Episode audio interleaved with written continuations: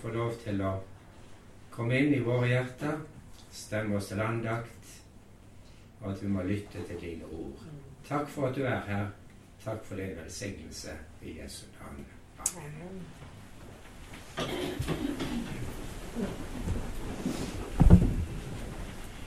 Ja, så er tiden kommet til egentlig å ønske dere alle sammen hjertelig velkommen, for nå er vi samlet ikke så ganske få i dag. Og vi er glad for at dere kom ut til gudstjeneste i adventkirken i Arendal. Når jeg ser meg omkring, så er det faktisk sånn at vi har en del besøk. Og nå skal jeg ikke gå i den fellen og nevne navnene, for nå ønsker dere alle sammen som er på besøk, hjertelig velkommen.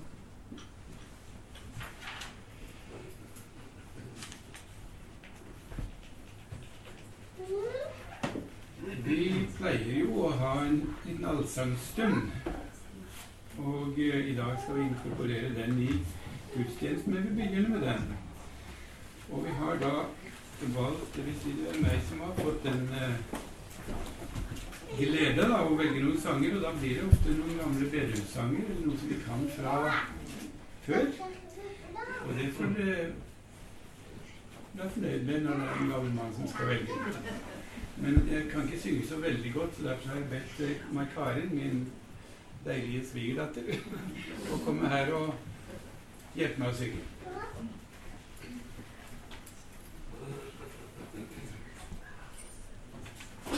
Ja, så kunne kanskje vite hvilke sanger vi skal synge. Skjønner det er ikke så enkelt. Vi skal begynne med sangen nummer 482. Og hvis dere legger merke til det, så vil disse sangene stort sett da dreie seg om det å leve et langt liv på jorden. Og hvordan vi takler det i forbindelse med det å være Guds barn.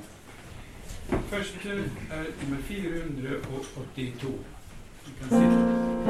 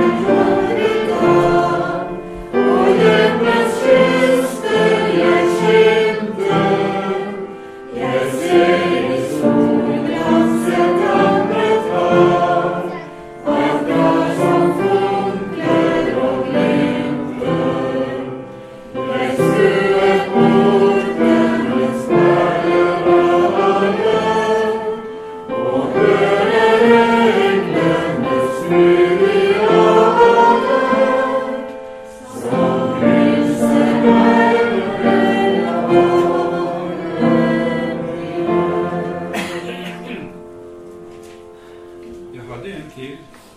Jeg tror vi tar den også. Det er nummer 475. Så det er ikke langt å bra, nei.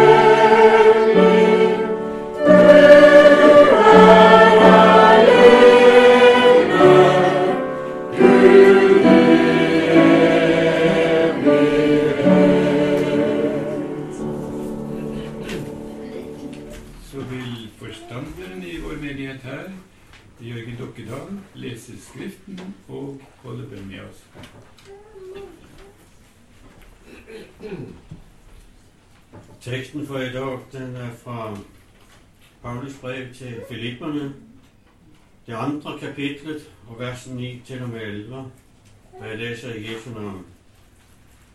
Derfor har Gud også høyt ophøjet ham og gitt ham navnet over alle navn, for at enhver kne skal bøye seg, der som er i den himmelske verden, og der som er på jorden, og der som er under jorden. For at hver tunge skal bekjenne, at Jesus Kristus er Herre, til Gud Faders ære. Vi takker deg, vår himmelske Fader, for et nytt tilfelle å komme frem for din nådetrone. Vi takker deg for du har vært med oss siden vi sist var samlet. Vi takker deg for vi fritt kan komme hit i ditt hus og tilknytte deg. Og Herre, ber du at du vil velsigne vår broder som skal dele livets ord med oss, og det må til, bli til glede og oppbyggelse for oss alle. Jeg ber også at du vil være med de som ikke kunne komme i dag. Og Herre, du vet hvorfor. De kanskje er syke. Det er kanskje andre ting som hindrer dem. Men Herre, vil du være nær hos dem og holde sabbat med dem. Vil du være med våre barn? Vil du være med våre ungdommer? Herre, velsigne dagen for oss alle. Det ber jeg deg om i Jesu navn. Amen.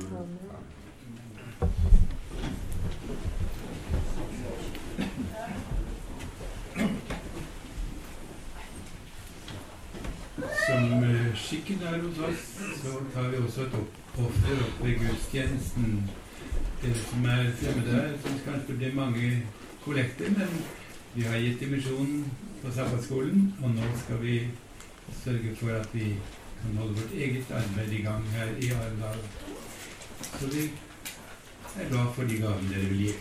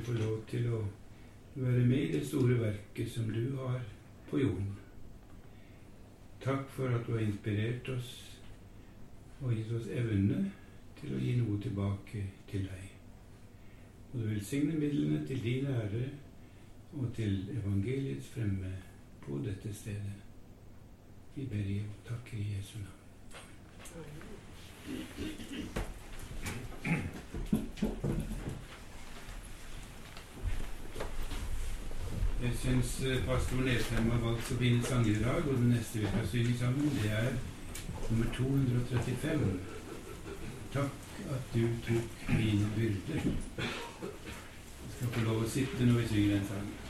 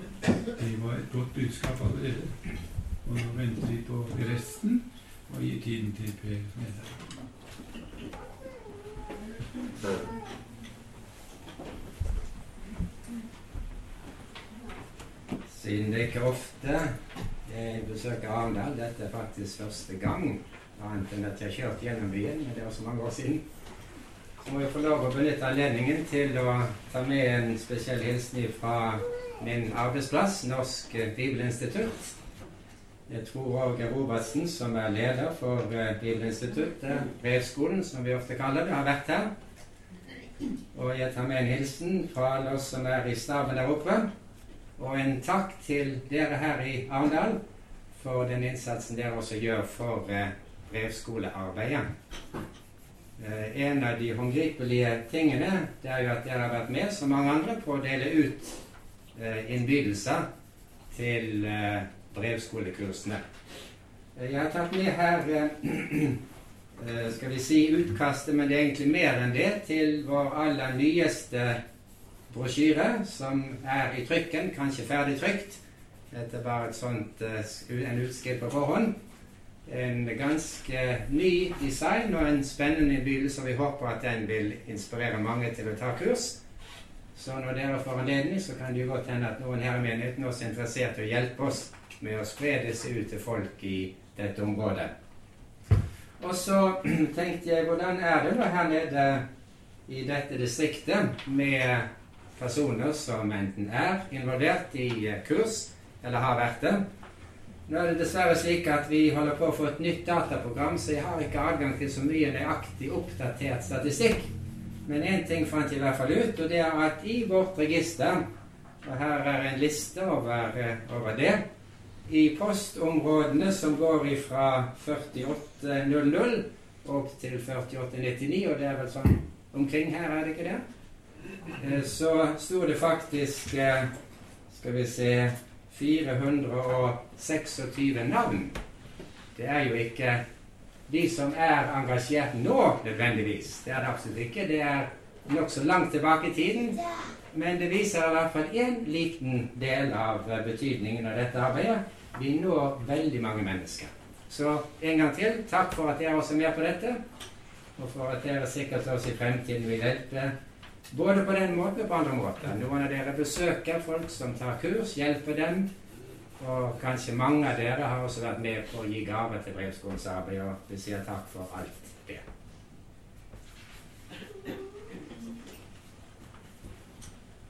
Det er sikkert, som jeg jeg, lagt merke til at uh, fra tid til annen, kanskje oftere og oftere, eh, dukker det opp eh, saker i media hvor det reises tvil om eh, tillitspersoners handlemåte. Eh, det gjelder kanskje ofte politikere som noen mener har gjort et eller annet som er kritikkverdig. Og ikke så rent sjelden hvis det dreier seg om ting som man mener å være alvorlige, så reises det krav om gransking for i vårt eh, demokratiske samfunn så er det jo slik at eh, vi ønsker åpenhet. Ikke minst når det gjelder offentlige personer og institusjoner, så vil vi ikke at eh, noe skal gjøres eh, bak lukkede dører og i hemmelighet som kanskje ikke er rett. Er det mistanke om sånn, så vil vi at vi skal finne ut av det. Sånn at vi kan være sikre på at eh, de har handlet rett, og hvis ikke, at det skal ryddes opp i tingene. Og hvis det er noe som uh, setter seg på bakbeina, det har jo skjedd, og ikke vært så veldig begeistret for å bli gransket, ja, da vet vi godt hvordan det uh, fører hen. For det bare forsterker mistillit og mistanke og løser egentlig ingenting. Man kan ikke ha tillit i lengden hvis man ikke er åpen i vår tid. Og når jeg har tenkt på dette, så har jeg ofte tenkt eh, det er i grunnen en veldig god illustrasjon på noe som Bibelen forteller veldig mye om. Og det er hva vi kunne kalle Guds åpenhet. Når Gud griper inn i vår verden, når Han har gjort det opp gjennom historien, og når vi gjør det igjen i fremtiden, så er det alltid på en slik måte at vi skal kunne få lov å vite noe om det.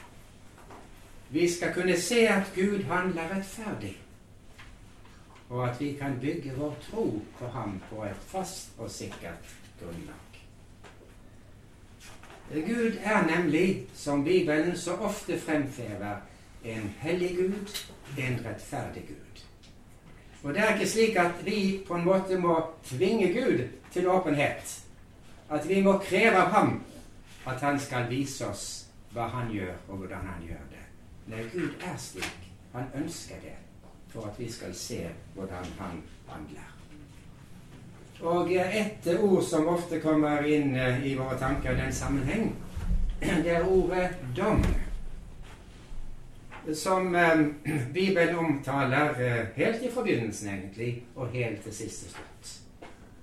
Og I den sammenheng er det spesielt viktig at vi forstår hva det betyr, og hvordan Gud egentlig handler når han dømmer. Av og til har vi kanskje en liten eh, misoppfatning av dette. At eh, når Gud dømmer, så er det liksom lyn som slår ned ifra klar himmel. Og utenfor varsel så skjer det et eller annet som vi var helt uforberedt på utenfor varsel. Men vi behøver ikke lese mye i vår bibel for å finne ut at slik er det ikke. La oss bare ta noen ganske få eksempler her for bare å illustrere dette poenget. Hvis vi blar helt tilbake til Bibelens begynnelse, til um, beretningen om uh, det første menneskepar i Edenshavet, og til det vi kaller syndefallet, så er det ganske interessant å merke allerede her hvordan Gud handlet med disse menneskene. De hadde spist av det treet de ikke skulle spise av, og Gud hadde på en måte full rett til å slå ned på dem, til å dømme, til å straffe. Men legg merke til hva som skjer, og du kjenner historien. Det står at de hørte i vers 8, leser jeg nå fra Første Mosebok 3, da hørte de Herren som vandret i hagen i den svale kveldsvinden.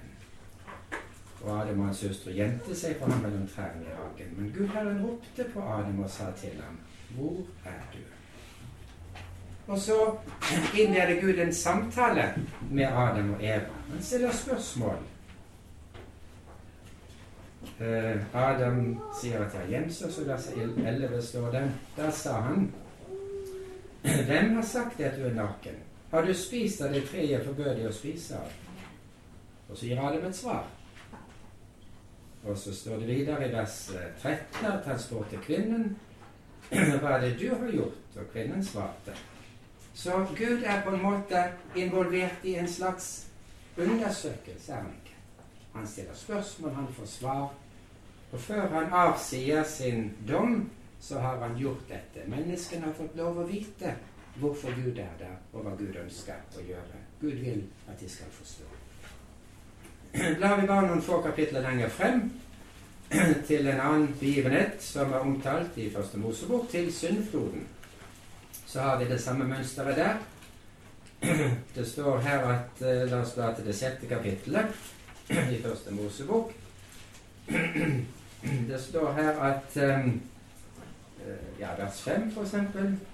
Sjette kapittel. Herren så at menneskenes ondskap var stor på jorden. Altså Gud observerte. Gud hadde undersøkt om det nå var nødvendig for ham, og han så hva som var ved å skje på jorden. Og hva gjør så Herren? Jo, han tar kontakt. Vers 13. Da sa Gud til Noah Jeg har satt meg for å gjøre ende på hver levende skapning, for de har fylt jorden med lovløshet. Nå vil jeg utrydde dem fra jorden. Og så faller ild fra himmelen. Nei. Så kommer flommen. Nei. Gud innleder en samtale med Noah, og så vet vi at Noah begynte å bygge arken. Og hva gjorde han mens han bygde? Han var Guds redskap til å forkynne for menneskene hva Gud mente om saken. Ga en appell på en måte gjennom de mange lange år hvor Noah drev sin virksomhet. Så det er det samme mønsteret. Gud griper inn i vår historie, men han gjør det på sin måte. Med åpenhet, på en måte som gjør at vi kan forstå hvorfor Gud handler slik som han gjør.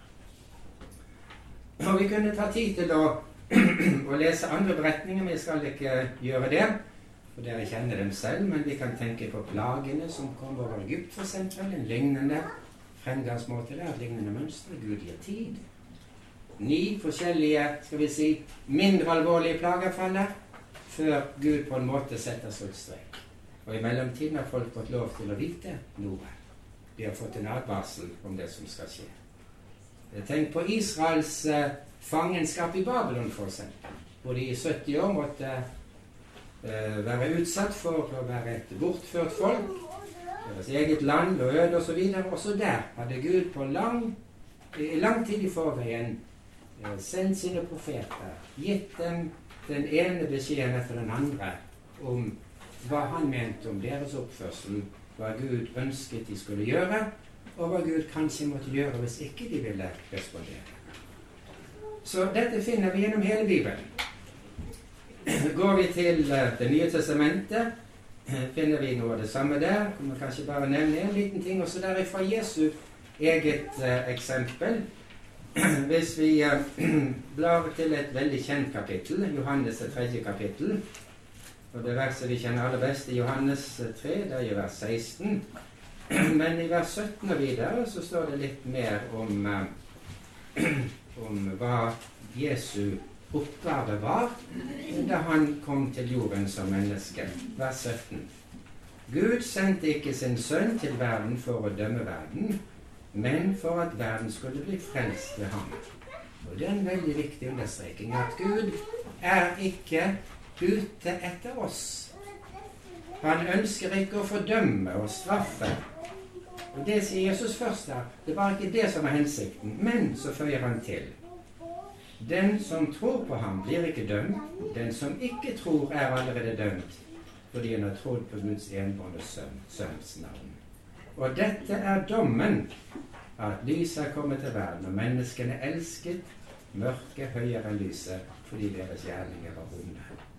Så Jesus kom for å være frelser. Men samtidig så måtte han si det slik det var, at for dem som ikke var interessert i frelsen, for dem som fornektet eller ikke elsket lyset, som elsket mørket, ja, for dem så var allerede dommen på en måte falt. Så Jesus var her på jorden disse tre og et halvt årene. Han forkynte, han åpenbarte Gud for menneskene, men han måtte også fortelle at en dag så kommer vel dom. Ja, på en måte så er dommen allerede kommet hvis man ikke eh, lytter til Gud, og ikke ønsker å ta imot en frelse som han gir.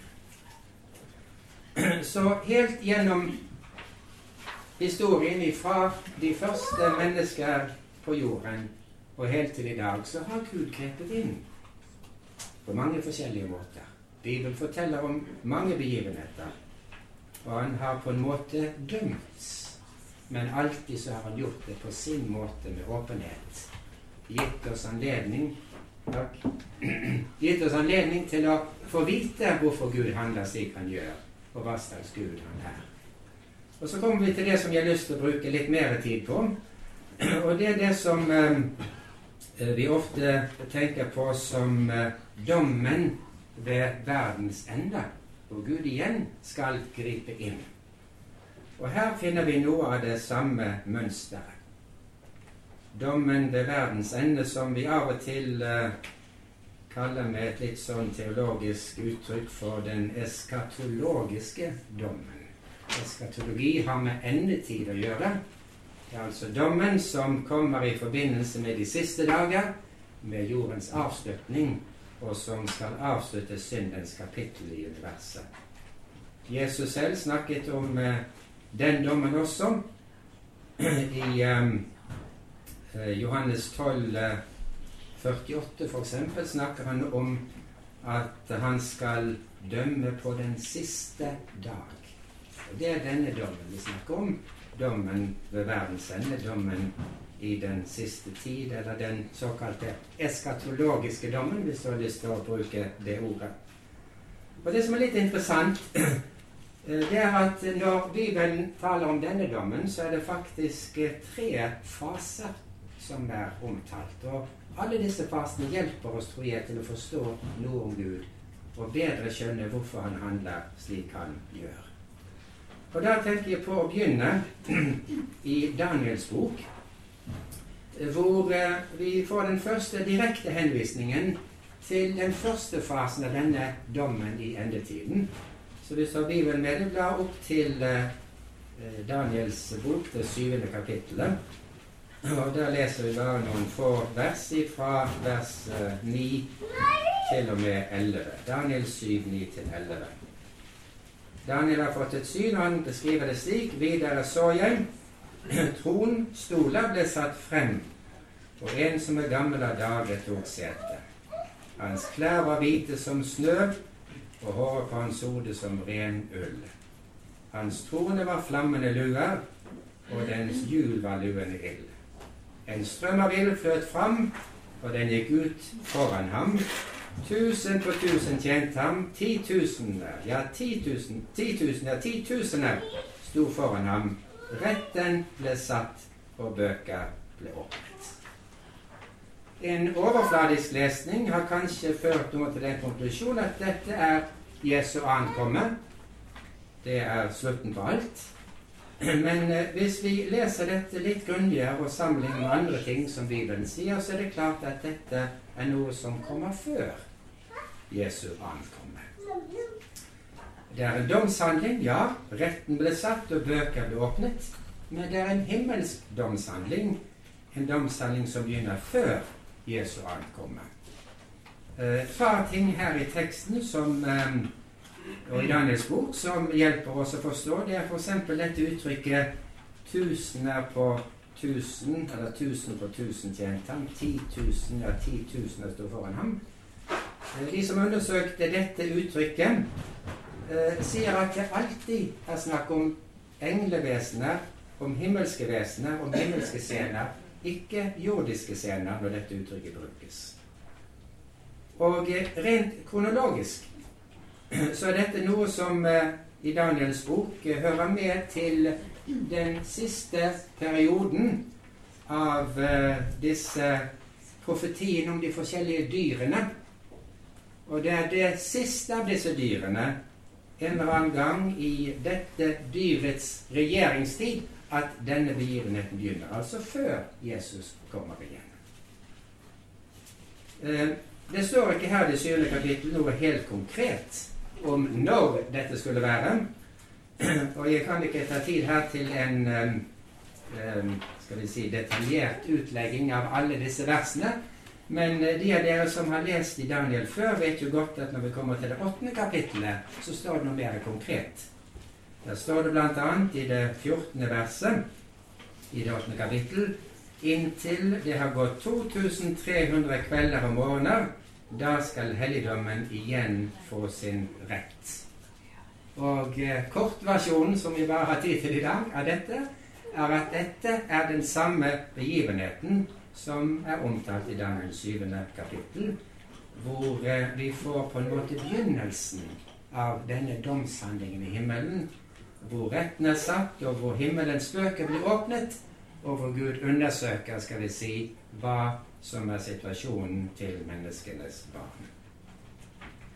Eh, noen vil si ja, men er ikke dette noe som eh, er helt spesielt for syvendedagsadventister? Å snakke om en domshandling som begynner før Jesu gjenkomst. De fleste tenker på dommen som jeg har nevnt, eh, som en konkret ting som skjer kanskje på et øyeblikk bare når Jesus kommer igjen. Jo, på en måte er det riktig at det er noe som syvendagsadventister har eh, eh, hatt mye å si om. Eh, for helt ifra skal vi si, begynnelsen av den adventvekkelsen som fant sted på 1800-tallet, eh, spesielt eh, intensiv fra 1830-årene og frem til 1844, så var dette noe som ble fokusert på. Man kom frem til den forståelsen som jeg just har nevnt her, om en domshandling som skulle begynne eh, i 1844, ved slutten av disse 2300 aftenene og årene. Og ikke alle kristne er oppmerksomme på dette. Men eh, vi er ikke de eneste som har lest vår bibel og fått eh, den forståelsen. Jeg vil nevne bare et par eksempler her. Eh, F.eks. en Robinson som har eh, skrevet eh, noe i en ganske anerkjent bibelkommentar, The Preachers Homiletic Commentary, som en kommentar til nettopp disse versene i Daniels bok. Og han skriver følgende Dette er ikke, altså dommen som omtaler Daniel 7, er ikke dommen når Jesus begynner sitt rike, eller slik uttrykket vanligvis forstås, ved verdens ende. Det ser heller ut til å være en usynlig dom innenfor forhenget, som blir åpenbart ved sin effekt når dommen settes i verk. Altså ved Jesu ankommer, hvor den blir satt i verk. Satt i verk. Og så sier han denne domshandlingen foregår kanskje allerede. Og det vil jeg si amen til. Ja, det er riktig. Den domshandlingen foregår allerede. En annen teolog eh, ved navn Seis, eh, eh, som har skrevet en kommentar også om eh, de apokalyptiske bøkene i Bibelen, sier følgende i, i, et sitat som jeg har med meg her Den vanlige tanken er at alle mennesker, de som alt er døde, og de som lever når Jesus kommer, skal bli dømt samtidig som en gruppe. Folk ser på oppstandelsen som en nødvendig forberedelse for dommen. Altså at oppstandelsen som kommer først, og først etter oppstandelsen kommer dommen. Men så sier han men da ville vi ha resultatet av dommen, altså oppstandelsen, før retten er blitt satt. For det er litt bakvendt. At resultatet av dommen kommer før dommen. Vanligvis er det jo motsatt, og han mener det er det også i dette tilfellet. Sannheten, sier han, er at oppstandelsen og forvandlingen, altså vi er så ankomme, er frukten og gjennomføringen av en dom som allerede har funnet sted. Så det er den samme forståelsen som uh, syvendagsadventister uh, har hatt i, gjennom historien fra 1800-tallet, da denne adventvekkelsen begynte. Og det er også flere der som har sett at dette er en fornuftig forståelse av det Bibelen sier. Men så kan vi da spørre men hva i all verden er hensikten med en dom før Jesus kommer? Og ikke bare altså at vi på en måte overlater til Gud selv å sitte i sitt uh, tronværelse, kanskje sammen med Jesus og Den hellige ånd, og ta en avgjørelse uten at det skal være noen andre med på det. For det kunne jo Gud ha gjort. Gud kjenner jo helt sikkert hvem som er hans barn, uten at det skal være nødvendig å ha en lang prosedyre omkring det. Og Da er vel den mest naturlige konklusjonen at hensikten med denne domshandlingen eh, når det gjelder de himmelske vesener som er til stede, som beskrevet i Daniels bok, de tusener og de titusener som er samlet foran Guds trone da retten ble satt, at de også skal få anledning til å få lov å få et innblikk i Guds skal vi si, protokoller, Guds arkiver, Guds bøker. Slik at når Jesus kommer igjen, og hvor i hvert fall noe av avgjørelsen blir åpenbar, ja, for så vidt eh, eh det hele, for da vil det være avgjort hvem som blir med og hvem som ikke blir med i oppstandelsen fra de døde. Da kan Guds himmelske vesener på forhånd vite hvorfor Gud gjør nettopp som han gjør ved Jesu ankomme.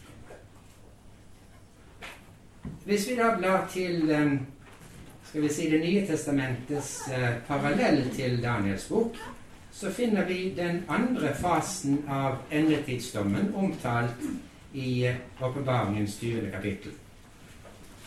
Og det er det kapitlet som eh, bl.a. omhandler det vi kaller de tusen år. Noen bruker uttrykket tusenårsriket. Eh, det er ikke nevnt akkurat det ordet her, men det nevnes i tusen år. Og her eh, beskrives det hva som skal skje når de tusen år, eller før de tusen år, hva som innleder de tusen år, og så står det i vers 4 om hva som skal skje i løpet av denne perioden, som altså begynner ved Jesu ankomme. Etter at de rettferdige har blitt, uh, har blitt vekket opp, så står det Jesu troner, vers 4. Og noen satte seg på dem, og de fikk makt til å holde dom. Så igjen står det med domshandling og dette er altså igjen en himmelsdomshandling, men nå etter Jesu ankomme og gjennom tusen år i himmelen. Jeg kunne også se sjelene til dem som var blitt halshogd fordi de hadde holdt fast på Jesu vitnesbyrd og på Guds ord. Og alle dem som ikke hadde tilbedt dyret eller bilde av det, og ikke hadde tatt merke på pannen eller i hånden. De ble levende igjen og hersket sammen med Kristus i tusen år en beskrivelse er altså forskjellige kategorier av personer som har stilt seg på Guds side. Ja, som til og med vært villige til å, å holde fast inntil døden, ikke tatt merke til dyret verken i pannen eller i sin hånd. De ble levende med Kristus, de hersket sammen med ham i tusen år. De skulle holde dom i tusen år. Og så kan du si en rettssak som skal vare i tusen år, om vi skal ta dette helt bokstavelig. Det er mulig vi skal. Det høres da voldsomt ut. En har sagt at det er tre ting som vil overraske meg når jeg kommer til den nye jord, til Guds himmel. Det ene er hvem som ikke er der. Og det andre er hvem som er der. Og det tredje er at jeg er der. Det kan godt hende. Mange spørsmål som vil eh, surre rundt omkring i hodene våre, tror jeg, når vi kommer dit. Og vi ser hvem som er der, og vi ser hvem som ikke er der. Og selvfølgelig, hvis vi er der, ja, så ser vi også det. Og så undres vi hvorfor. Hvorfor? Og så gir Gud igjen en mulighet til innsyn før han griper inn og gjør ende på syndens kapittel. Og i løpet av de tusen år skal alle disse spørsmålene bli besvart. Vi som er der, og la oss håpe at det blir oss alle, vi skal få en anledning til å stille Gud spørsmål, og han vil åpne bøkene, han vil være åpen om alle ting. Vi vet hvorfor Gud har gjort som han gjorde. Så kommer vi til eh, den siste fasen, den tredje fasen i endetidsdommen. Den eskatologiske dommen som eh, vi kan lese om fra det syvende verset i Åpenbaringen 20 og utover. For der står det når de tusen år er til ende, skal Satan slippes løs fra sitt fengsel. Han skal dra ut og forføre folkene ved de fire verdenshjørner, og Magog, og samle dem til strid utallige som havets sand.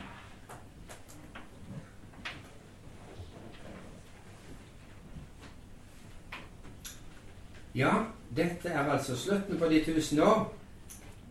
Og det står um, at det som nå vil skje, det er at Satan vil prøve en siste gang å angripe Gud og hans folk og hans by og eh, det står i det neste verset De dro opp over jordens og omringet de helliges leir og den elskede by, som altså var kommet ned fra himmelen. Men så står det ild falt ned fra himmelen og fortærte dem. Dette er et veldig komprimert avsnitt som beskriver ganske kort hovedtrekkene i det som skal skje ved slutten av de tusen år, når Gud på en måte skal eh, Det er ikke bare på en måte, men skal iverksette dommen. Og at sluttstrek skal settes én gang for alle.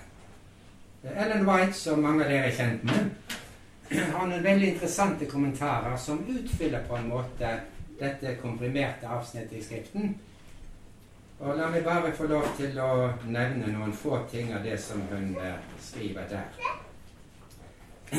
Det står um, i uh, et uh, bokverk som mange av dere er kjent med, og som andre sikkert kan få fatt i, Alfa og Omega.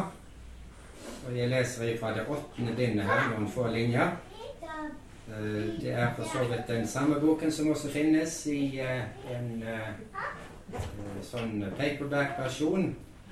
Enten som mot historiens klimaks, som noen kjenner, eller også under andre titler.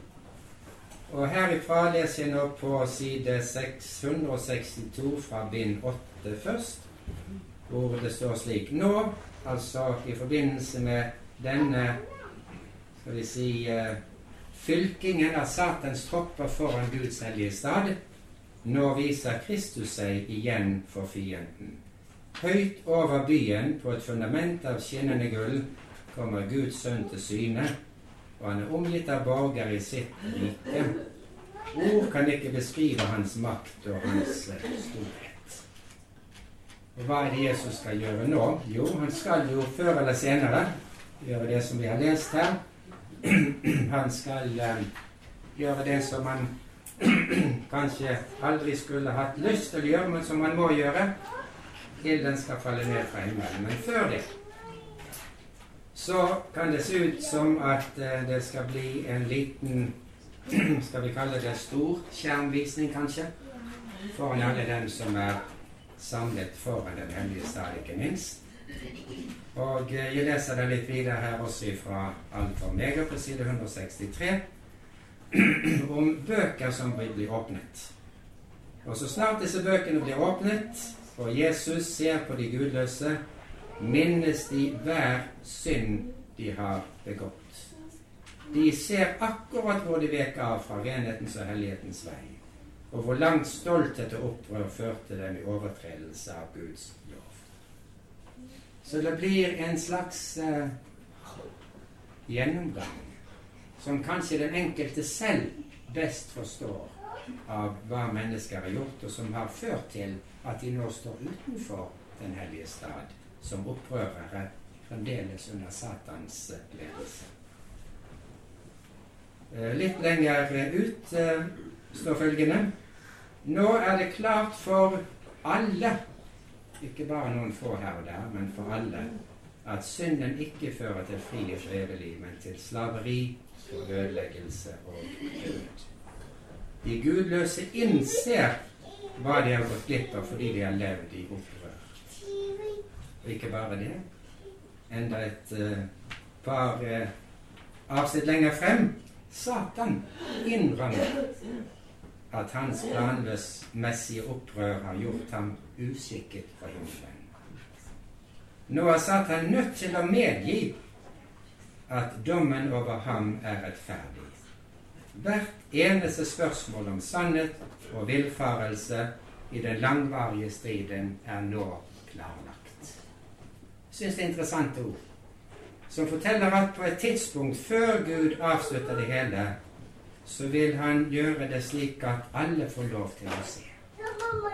Og alle blir konfrontert med sannheten på en måte som gjør at det er umulig å komme til noen annen konklusjon enn den Gud selv har trukket. Og så er det en interessant tekst som jeg har lyst til å ta med her eh, til slutt, om hva dette egentlig også går ut på, slik som eh, skal vi si Gud ser det. Og da tenker jeg på et vers som står i Romerbrevets tredje kapittel, og det fjerde verset. Romerne 3-4. Eh, her står det slik Slett ikke la det stå fast at Gud taler sannhet, og hvert menneske er en løgner. For det står skrevet eh, Slik står det skrevet For at du skal få rett når du taler, og vinne når du fører sak. Det er altså om Gud det står her at han skal få rett når han taler, og at han skal få vinne når han fører sak. Og den oversettelsen som står i den norske bibelen som jeg har her, fra 1978-85, eh, legger det vekten på at det er Gud som fører sak mot sine fiender. For Gud skal få rett. Og det er jo riktig nok. Det skal Gud gjøre. Men eh, de som eh, kan sin gresk eh, godt, har sagt at egentlig så er det en bedre oversettelse enn den som står i denne utgaven av vår norske bibel. Og det vil det være å si 'når du blir dømt', for å ta setningen fullstendig her. For at du, Gud altså, skal få rett når du taler, og vinne frem når du blir dømt. Og det er en interessant vinkling. Gud ble dømt. Gud skal ikke bare dømme, men han skal også dømmes, ser det ut til. Og den oversettelsen er faktisk ikke uvanlig. Noen av dere kjenner slike eh, engelske oversettelser som King James version, f.eks. Der står det slik. Oversatt eh, av dyktige mennesker allerede i 1611 eller der omkring. Når du blir dømt, sådan Gud. En nyere versjon, Revised Standard Version på engelsk, amerikansk kanskje opprinnelig, When thou art judged, når du Gud blir dømt. Og likeledes en mye nyere, The New English Bible, samme oversettelse. Som egentlig er den beste oversettelsen ut fra den greske grammatikken. Så Gud skal altså bli dømt. Gud skal granskes. Før Gud griper inn, og helt til slutt, så tror jeg dette er spesielt viktig at Gud på en måte stiller seg frem med åpne kort og sier 'still de spørsmål dere vil'. Se på det jeg har gjort. Jeg er åpen for å bli dømt. Og for universets evige trygghet. For at vi skal få lov å oppleve den evigheten hjemme hos Gud, som vi ser frem til, så er det jo alminnelig viktig. Ja, det er så viktig at det kunne ikke være mulig på noen annen måte enn at Gud vil bli dømt, skal vi si. Dommen over Gud vil være Gud, du er frikjent fra anklagene. Du har handlet rett. Vi skjønner at kjærlighet og rettferdighet og hellighet og ikke noe annet har motivert deg. Alle dine handlinger er rettferdige. Og dette er noe som Gud som sagt ikke er blitt tvunget til, men det er noe som Gud ønsker. Det er slik Gud er, som en hellig og rettferdig Gud. Og der tror jeg den teksten vi leste til innledning fra brevet til Filippene, det andre kapittelet, og versene 9 til 11, kan benyttes for å beskrive noe av det som nå til slutt vil skje. La meg lese dem igjen, disse versene. Filippene 2, 9-11. Derfor har Gud opphøyet ham til det høyeste og gitt ham navnet over alle navn. I Jesu navn skal derfor hvert kne bøye seg, i himmelen, på jorden og under jorden. Og hver tunge skal bekjenne at Jesus Kristus er Herre, Gud vår Far til ære. Og det er kanskje dette som må stå i sentrum også når vi tenker på det Gud har gjort. For Gud har ikke bare vært strengt rettferdig. Han har ikke bare benyttet lovens bokstav når han har dømt oss, når han har handlet med oss mennesker. Men han har gått mye lenger enn det. Og det er nettopp derfor at det er Jesus som står i fokus her. Hver tunge skal bekjenne at Jesus Kristus er Herre, Gud og Far til ære. For i Jesus Kristus kom Gud til oss med tilgivelse, med frelse. Og selv om vi skulle sagt Gud, du er streng, du er rettferdig, så kunne det vært greit nok. Men nå kan du også si Gud, du er nådig. Du er alt oppofrende. Du er kjærlig. Ikke noe mer kunne vi kreve ifra deg enn det du har gjort. Og derfor skal hver tunge måtte bekjenne at Jesus Kristus er Herre, Gud til ære. Og for meg er det godt å kunne være så sikker som Bibelen gjør meg på at en slik Gud vi tjener. En Gud som uh, griper inn i våre liv. Han har grepet inn opp gjennom historien, men han har alltid gjort det på en rettferdig måte, på en åpen måte. Han har gitt oss anledning til å sjekke etter, til å følge med og til å forstå. Og selv om uh, det er enda mye mer vi skal få anledning til å sjekke og forstå, så tror jeg allerede i dag så kan vi se nok av Guds handlemåte til at vi kan være trygge og full tillit til ham. Vi kan trygt legge våre liv i hans hender. Vi kan glede se frem til den dagen hvor han vil avslutte sønnens kapittel og ondskapens eh, kapittel og føre sine barn inn i den evige og det er noe å se frem til, og det er noe vi kan være trygge på. Amen.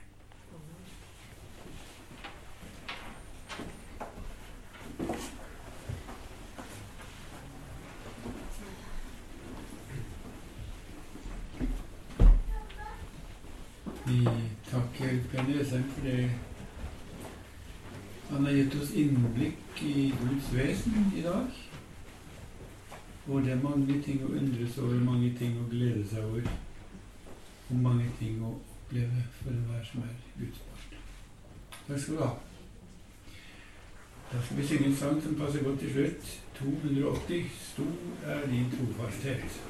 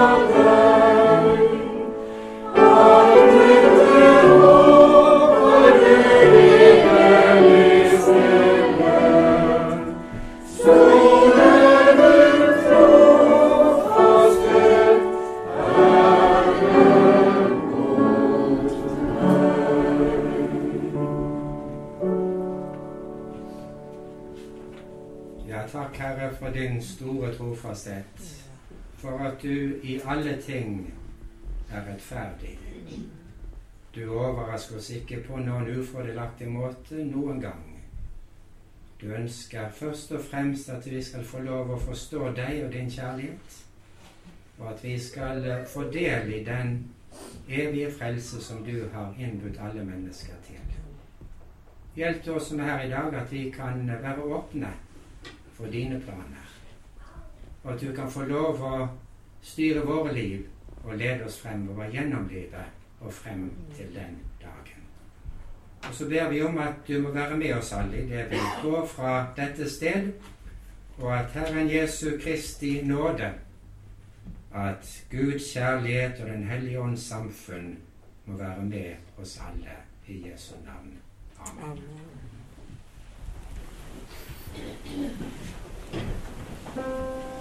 Amen.